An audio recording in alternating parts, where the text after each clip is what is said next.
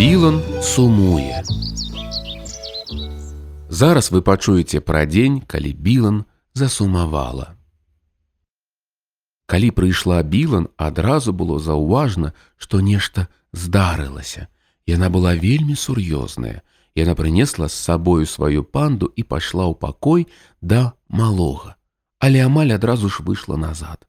Малы і Білан прыйшлі ў гасцёўню. Гаў, гаў! Малы гуляў у сабаку. Ён забрахаў і пачаў паляваць на Білан, але ёй не хацелася, каб на яе палявалі. Малы трохі панюхаў дыван і зноў пабег у свой пакой, а Білан засталася ў гасцёўні. Там было вельмі ціха. Тады да Білан прыйшла мама. Як справы Білан, запыталася яна, цябе нешта засмуціла? Білан паглядзела на маму. Не, адказала яна і ўздыхнула.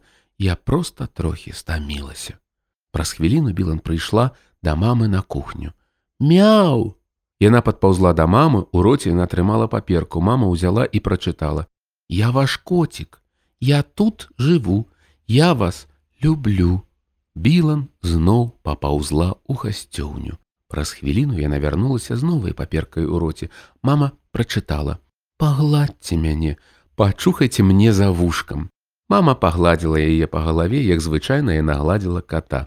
Тады Білан уладкавалася на падлозе так, як звычайна робіць кот, калі яму добра. Мама села на падлогу каля кота і пачухала яму за вушкам. Тады Білан запаўзла да мамы на калені. Мама абняла яе і пачухала за вушкам яшчэ раз. Кату гэта вельмі спадабалася. Гау, гау! Гэта прыпаўз малы. Ён махаў хвастом. Гэта разбэшчаны коцік, патлумачыла мама. Гау, гау, сказаў малы, А я сабака, Я злюся на катоў і кусаю іх.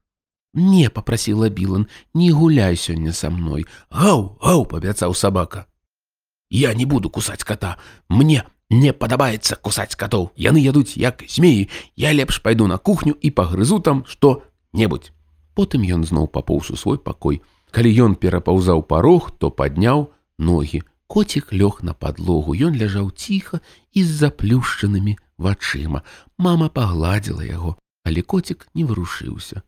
А што гэта здарылася з маім маленькім коцікам, запыталася мама, Чаму ён не варушыцца, Можа коцік спіць, а можа ён захварэў, Але коцік усё адно не варушыўся. А ён раптам не памёр, захвалявалася мама, наш маленькі цудоўны коцік, якога мы ўсе так любілі. Мама гладзіла і гладзіла коціка, але ён усё ляжаў ціха.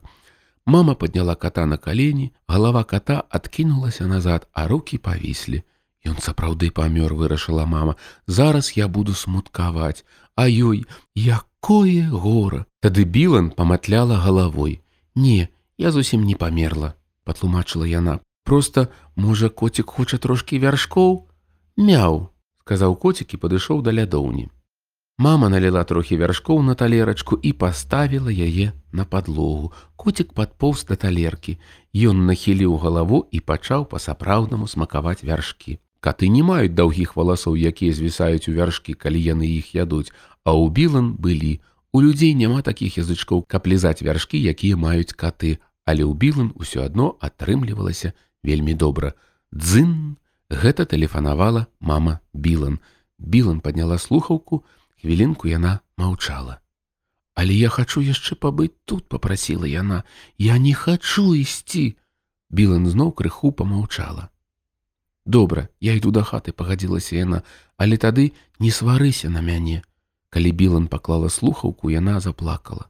Я пайду да хаты паведаміла яна і пачала апранацца. Яна падышла да дзвярэй. Мама паедзе ў горад па крамах. Мне трэба ехаць з ёй. Бывай але ты забылася сваю панду нагадала мама Білан спынілася і настаяла і пра штосьці думала хвіліну. Панда хоча яшчэ пабыць тут, вырашыла яна. Яна мяркуе, што ў нас дома зашмат шуму, яна хоча трошкі пабыць у цішыні, яна хоча паспаць з мядзведзікам сёння ўначы. Да хаты вярнуўся тата, ён сустрэў білан на парозе. На вуліцы цёмна, сказаў ён, ты не баішся цемры. Можа цябе правесці, не, не трэба, адмовілася білан. Яна абняла панду моцна, моцна бывай панда развіталася яна добрага табе вечара побачымся заўтра тата мама Малы мядведзік і панда стаялі ў вітальні і пазіралі ў акно. Білан выглядала такой маленькай танюткай на вуліцы, калі яна выйшла ў цемру адна. Яна спынілася каля першага ліхтара і азірнулася. Усе памахалі ёй, і панда таксама. Тады яна завярнулася і пайшла назад. Паслухай, панда звярнулася яна. Я хачу, каб ты пайшла са мной. Яна засунула панду пад куртку. Цяпер ты не змерзнеш, зазначыла яна. Потым яна пайшла. Тата, мама, малы і мядзведзік стаялі ў вітальні і пазіралі ў акно. Гэтым разам Білан была крыху таўсцейшай, яна ўжо больш не выглядала такой адзінокай у цемры. Яна спынілася пад першым ліхтаром, азірнулася і памахала рукой. Маленькая цудоўная Білан, сказала мама. Калі малы пайшоў спаць, ён распавёў усё мядзведзіку. Сёння я гуляў у сабаку, а Білан была катом. Я брахаў на яе, хацеў упаляваць і ўкусіць за хвост, але яна не захацела. Яна проста хацела ляжаць ціха ў мамы на каленях, а мама яе гладзіла. Мядзведзік ляжаў ціха, ён маўчаў. Было не надта весела мядзведзік. Мядзведзік не варушыўся, ён нічога не казаў. Малы падняўся і паглядзеў мядзведзіку ў вочы. Потым падняў мядзведзіка на калені. Ён доўга гладзіў яго і чухаў за вушкам. Маленькі цудоўны мядзведзік. Абняў ён сябра. Потым яны леглі побач і выглядалі аднолькава задаволенымі і малы і мядзведзік.